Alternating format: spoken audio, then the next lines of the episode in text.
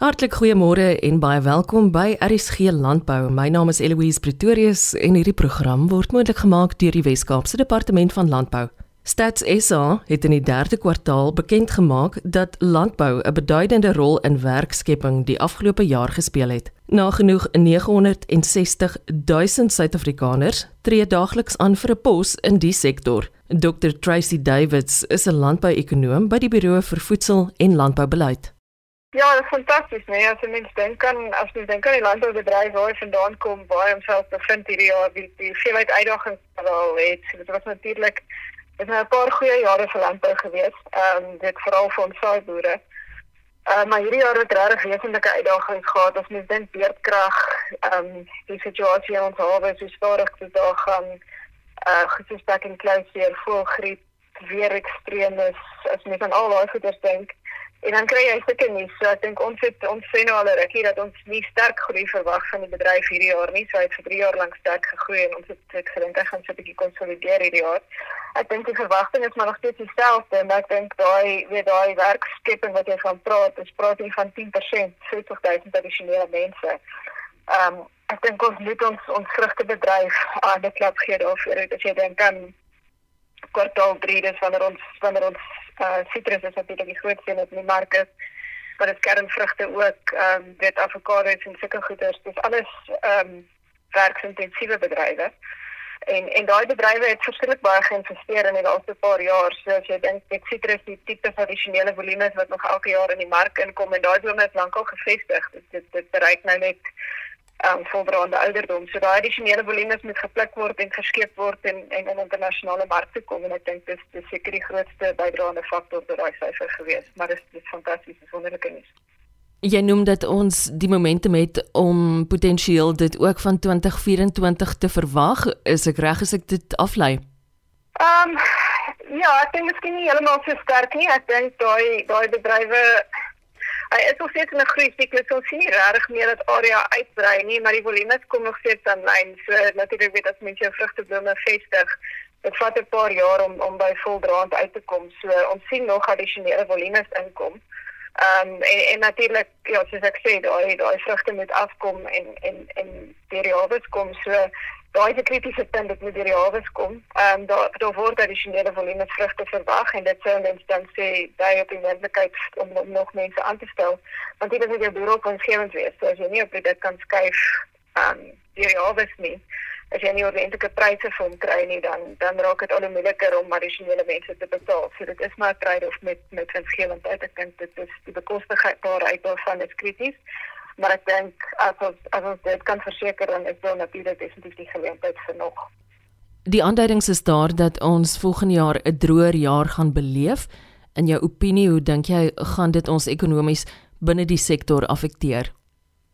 Ja, dit is 'n groot dit is dit is 'n uitdaging, is definitief iets om dop te hou. Ehm um, as jy dink waar ons groei vandaan gekom het, die laaste paar jaar weet in ons vrugtebedryf het ons addisionele volumes maar die pryse het onder druk gekom. So in terme van weet as mense nou dink bydra tot jou jou bruto binnelandse produk tot ekonomiese groei wat wat nie so sterk gewees nie. Die die sterk groei wat ons in landbou gesien het was grootendeels ons ons saaiboere ehm um, wat baie groot oeste gehad het binne 'n tydperk ook van sterk pryse in die wêreldmark. So ons het surplus geproduseer waar ek dink is uitgevoer teen teen baie goeie pryse weens weens die situasie in die res van die wêreld. So natuurlik as dit droog raak, uh baie van daai boere is maar weet dit is hulle hulle steun op die reën van die produksievolume. Ehm um, as ons kyk na kleiner opbrengste dan natuurlik sal dit dit die die ehm um, ekonomiese groei van daai bedrywe beïnvloed pryse wêreldwyd is ook steeds besig om af te kom. Ek dink in 'n groot mate het ons wisselkoers wat verswak het, dit so 'n bietjie teengewerk. Ehm um, maar dit dit blyk dat hy nou weer stabiliseer. So ja, dit is dit is definitief iets om dop te hou. Ons hou die weer fyn dop en op die oomblik is dit verskriklik warm. Ehm um, en dit is maar in groot dele oor die weste van die land nog droog. So mense maar met mense moet maar kyk en en sien hoe dit uitspeel. Ek dink in die ooste dele van die land gaan dit nie nie so sleg vir ver nie die boere het aan die plant, uh, maar daar is groot dele in die weste wat nog wag vir ordentlike reën om te kan aangaan. Dis 'n verkiesingsjaar wat voorlê. Wat is jou gedagtes daar rondom? Ja, dit is interessant. dit is 'n moeilike een. Natuurlik wil ons graag 'n goeie uitkoms sien. Ehm um, ek ek dink Dit is altyd moeilik om te sê so lank voor die tyd, maar mense sal graag stabiliteit wil sien. Dit al is dit 'n al is dit 'n verandering, al is dit 'n koalisie, mense sal graag wil sien dat dit werk. Mense sal graag wil sien dat dit dat dit nie onstabiel raak en en moeiliker raak nie. So ek dink ons is ons is positief en ons ons hoop vir 'n goeie uitkoms en kyk waar heen gaan. Uh, Tracy, wat sal jou raad wees aan Suid-Afrikaanse boere op hierdie stadium? Ja, ek dink as as as jy dink hoe moeilike jaar dit in wese was en en en en wat hulle nog steeds bemag het in hom. Is dit eintlik fantasties. Ek dink daar's daar's min mense so aanpasbaar soos ons boere. Hulle het regtig dit as jy mens dink aan aan iets soos beerdkrag vroeër in die jaar. Ehm um, hoe moeilik dit eintlik hulle lewe gemaak het en en hulle het net deurgedruk en en planne gemaak en en dinge nog steeds gedien gekry. Ek dink mense vergeet soms dit kom teen 'n koste. Uh weet die die kos bly op die rakke, die die goed gaan aan, die goed is maar beskikbaar en ek dink ons ons vergeet soms om vir ons boere dankie daar te sê daarvoor. Maar ook om om te recognise dat dit kom teen 'n koste. So weet baie van hulle het dit groot investering gemaak en alternatiewe om te kan aangaan. Ehm um, en en daai natuurlik moet moet alternatief teruggemaak word. So dit is maar as mens van 'n wil raad gee, dit seker hou maar net aan. Doen wat jy doen, doen wat jy goed doen. Ehm um, ek ek dink hulle het fantastiese werk gedoen deur hierdie jaar en en die weer is maar iets wat ons nog dophou en gaan sien hoe hy uitspeel. Ek dink El Nino is is definitief iets wat mens altyd moet dophou en altyd na moet kyk. Ehm um, maar elke El Nino is ook nie 2016 droogte nie. So ek dink mense moet dit ook onthou, maar ek dink ons ons boere is positiewe mense en kies altyd ook om die positiewe kant te sien en om voort te gaan en om hulle bes te doen. Tracy, ek sê altyd as ek nie in die media gewerk het nie en spesifiek nie 'n landboujoernalis was nie, dan het ek gedoen wat jy doen. Wat sou jy sê aan jong Suid-Afrikaners wat dalk nog wik en weeg en wie se kop dalk in die rigting staan na die beroep wat jy beoefen. Wat is lekker aan jou werk? Wat is positief en goed daarvan? Dit is fantasties reg om dit te voorreg om om in die bedryf te kan werk. Dit is fantastiese mense. Ehm um, en dit is 'n konstante verskil te maak, nee, so as 'n mens as 'n mens kan inligting uitsit, jy kan help dat beter besluite gemaak word, jy kan help om om enkele probleme op te los. Ehm um, omdat dit 'n bedryf is wat wat iets soos kos aan ons land voorsien, is dit natuurlik weer, weer die impak wat jy kan maak is so baie, maar dit dit is fantasties, dis die werk, dit is elke dag anders. Um, daar is baie uitdagings, soos ek dink in in baie bedrywe in ons land. Maar ja, elke uitdaging is ook maar opportunity, nee, en mens kan um, elke uitdaging met jy sien as 'n moontlikheid om 'n verskil te maak. So ja, dit is fantasties. Veronderstel ek is 'n boer en ek is ingeskakel vanoggend en ek wil baie graag meer weet oor die navorsing en die artikels en alles wat Dr Tracy Davids te sê het. Waar kan ek gaan aanklop? ek praat dit ook nie net van myself nie. Ons ehm um, by Bifat is ons ons uh, lekker spannetjie van verskeie skillsets ons werk almal lekker saam en en almal maak 'n bydrae. Ehm um, so ek dink jy kan graag na ons webblad gaan kyk ehm um, www.bifat.co.za uh ja, daar baie inligting oor oor ons klein maatskappy waarmee ons onsself besig hou en en hoe ons dit doen en, en wat er waarde vir verskillende mense kan doen. Dr Tracy Davids is 'n landbou-ekonoom by die Buro vir Voedsel en Landboubeleid. Dr Stefano Harof is landboukundige in die Agri Carbon Koolstofkredietprogram by die Climate Neutral Group Suid-Afrika. Hy lewer verslag oor kunsmisnavorsing op somergewasse binne die raamwerk van veranderende stelsels wat bewaringslandbou insluit, veral ook oor data wat in 2023 gepubliseer is. Sy dagtake is omvattend en interessant. Ek is dan lei ek die agronomie divisie in die AgriCarbon program, ehm um, waar ons boere beloon via carbonkrediet vir volhoubare landboupraktyke ehm um, reg oor Suid-Afrika waar ons fokus op herlewingslandbou praktyke hoofsaaklik um, want op op die einde van die dag wil ons graag die koste wat in die lug is terugsit in die grond. Ja, Elise, so natuurlik as ons kyk na die boerderypraktyke in is in Suid-Afrika die verskillende boerderystelsels. Uh, is daar baie fasette om na te kyk in terme van uit 'n kom ons sê 'n volhoubare uh, oogpunt. En ene wat baie aandag kry in die media, nie net in Suid-Afrika maar veral wêreldwyd.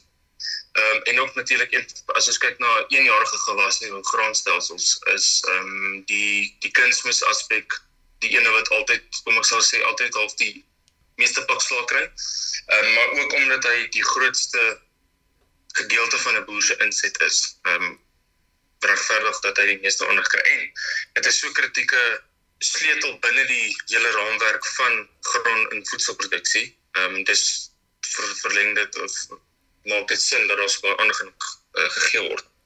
Ehm um, en met hierdie agtergrond kyk ons as ons as wetenskap is altyd hoe ons die verskillende sleutels binne hierdie groter raamwerk kan verbeter en wat is dit nou beter om te kyk na die kunsmis aspek.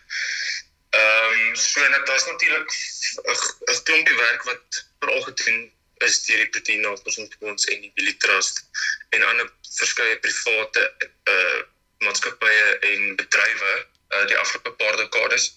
Maar op 'n van die dag wat 'n groot rol natuurlik binne die Suid-Afrikaanse voedselproduksie het ingespeel het en as ons dan nou moet fokus en kyk ons na die somergewasstelsels in die sentrale en die meer noordelike en oostelike dele van Suid-Afrika. Dit is nou gewasse soos mielies, sonneblom en sojabone hoofsaaklik.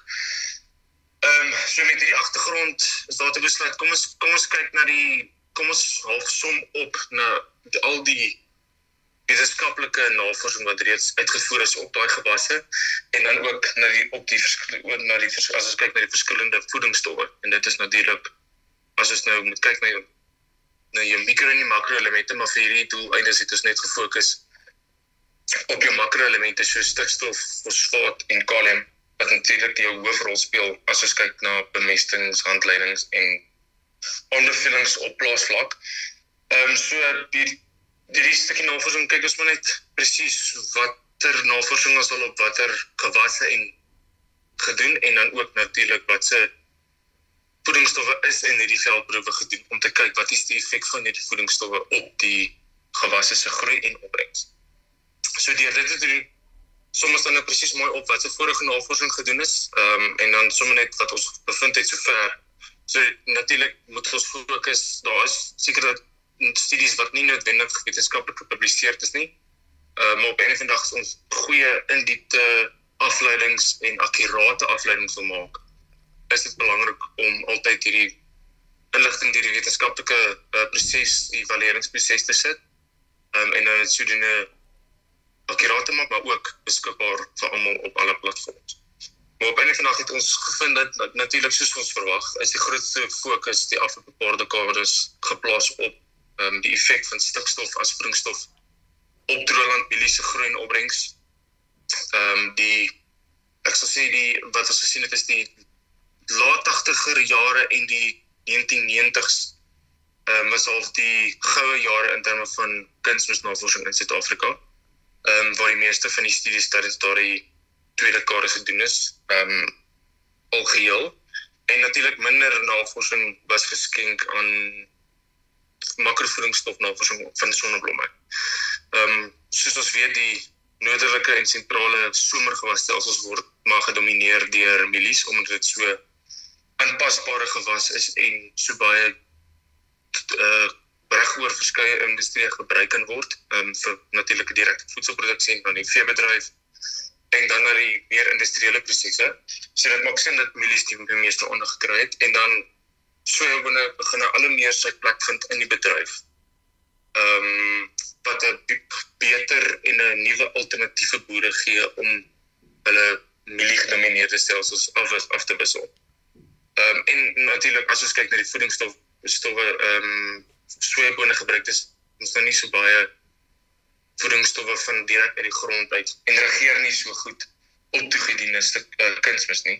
So dis is half 'n goedkoper alternatief ook vir die boere as hulle iets wil afwissel met hulle met hulle mielies saam met 'n uh, sonneblom natuurlik.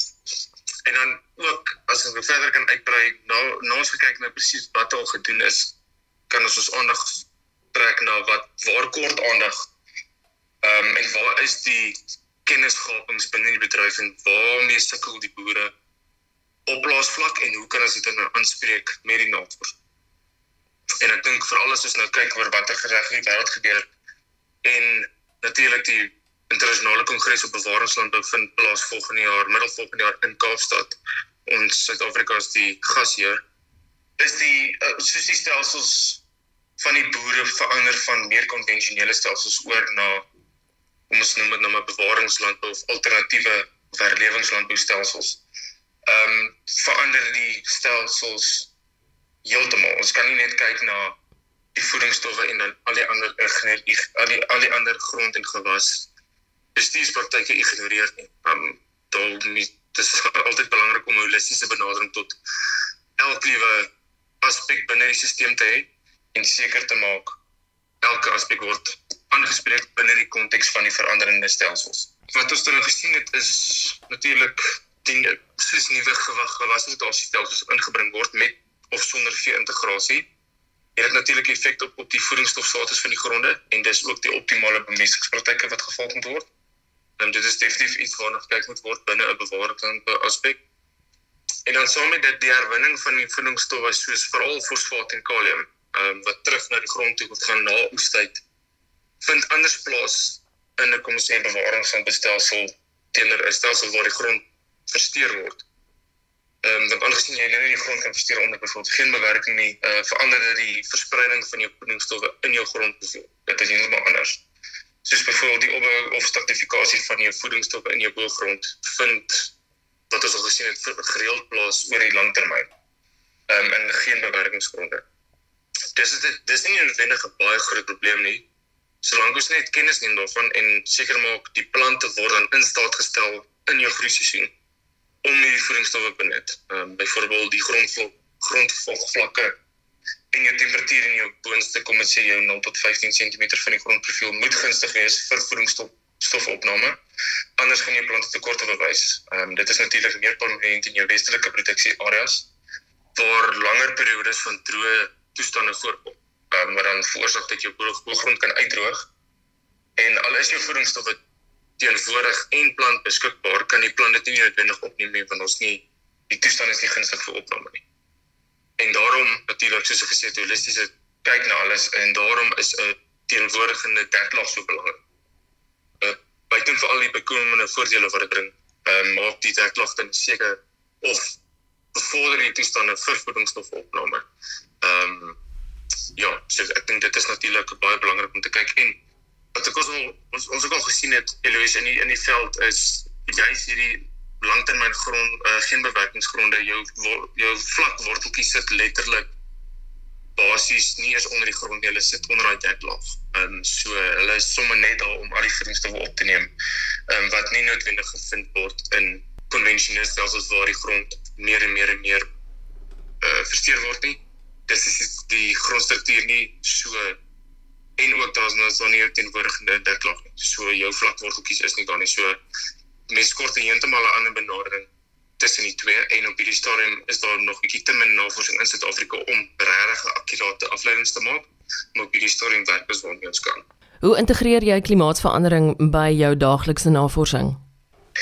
Uh, Natuurlik die, die grootste invloed van klimaatsverandering op hierdie stadium in Suid-Afrika se somergewasstelsels is die meer onreëlmatige reënvalpatrone. So ons het of 'n baie droë of baie nat vroeë plantseisoen of 'n baie nat of baie droë laatseisoen.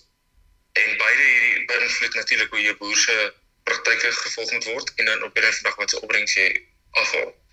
So daarom kyk ons as ons kyk na byvoorbeeld navorsing op voedingsstowwe en hoe om dit binne die klimaatsveranderingsaspek aan te spreek, kyk ons dan juist nie noodwendig net na presies jou tydsberekening van jou voedingsstowwe en die hoeveelhede wat jy toeneem, maar ook wat anders in jou plantgrondstelsel kan jy so bestuur om juis hierdie as jou voedingsstowwe bevorder.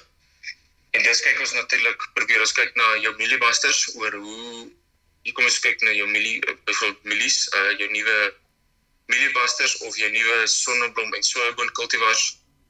Ehm um, hoe hulle die voedingsstofopname in die grond beïnvloed, ehm um, hoe is hulle aangepas tot juis hierdie onreëlmatige hoë of lae dagtemperature en dan ook uh die volume se reënval wat jy kry. Maar ook hoe pas hierdie geneet nuwe genetika dan hierdie voedingsstowwe wat opneem intern fisiologies toe om op 'n ander dag maksimaal gebruik te word en dan om hoë kwaliteit en beter volumes graan te produseer. Ehm um, en dan as ons dan 'n oorspoel van van dit af daar is natuurlik verskeie maniere hoe hoe die interaksie tussen die verskillende voedingsstowwe die vermoë van die plant affekteer om byvoorbeeld stikstof op te neem en dan te versprei na die verskillende dele binne die plant om die fisiologiese prosesse te laat plaasvind. Ehm um, dit is natuurlik ook belangrik om tans te ondersoek. Waarop gaan julle veral fokus in 2024? So, lees, ek dink die dink op hierdie stadium met die fokus gaan lê om die uitdagings wat die boere in praktyk ondervind, ehm um, aan te spreek of kom ons sê eerder verder aan te spreek kyk 'n uh, 'n breër oorsig te kry oor wat se spesifieke uitdagings die vroegste aandag benodig. Ehm um, en ek dink as mens net vinnig daar dink is veral logingsverliese, die hoë kostes van bemestingsstowwe, en grondversiering as gevolg van hoë vlakke, langtermyn hoë vlakke van stikstofkunsmis veral onder die chemiewerking. Uh stelsels is dit 'n probleem. Ehm um, en ja, net nou keer kyk wat is reeds in die grond. Hoeveel van daai voedingsstowwe is plantbeskikbaar en hoe kan die boer dit ten volle benut en sodoende sodoende oor die langtermyn sy insette verlaag? en dan nou juist gebruik wat vir hom reeds gegee is wat hy reeds toegedien het. Ehm um, en dan seker te maak die voed, voedingsstof sirkulering binne die grond veral vir fosfaat en kalium uh kry so optimaal as moontlik met grond en uh, gewasproduksiepraktyke, maar dan ook natuurlik 'n groter fokus plaas op jou grondbiologiese aspek. Wat dan nou alles van is van jou swamme en jou bakterieë en jou aardwurms en miskruiers en alles om seker te maak dat die voedingsstowwe wat die plant onttrek bo die grond los binne die plantmateriaal wat dan agtergelos word as die graan verwyder is dat dit weer kan teruggeplaas word in die grond en plant beskikbaar gestel word um, om sodoende volgende jaar se aanvraag na voedingsstowwe aan te spreek.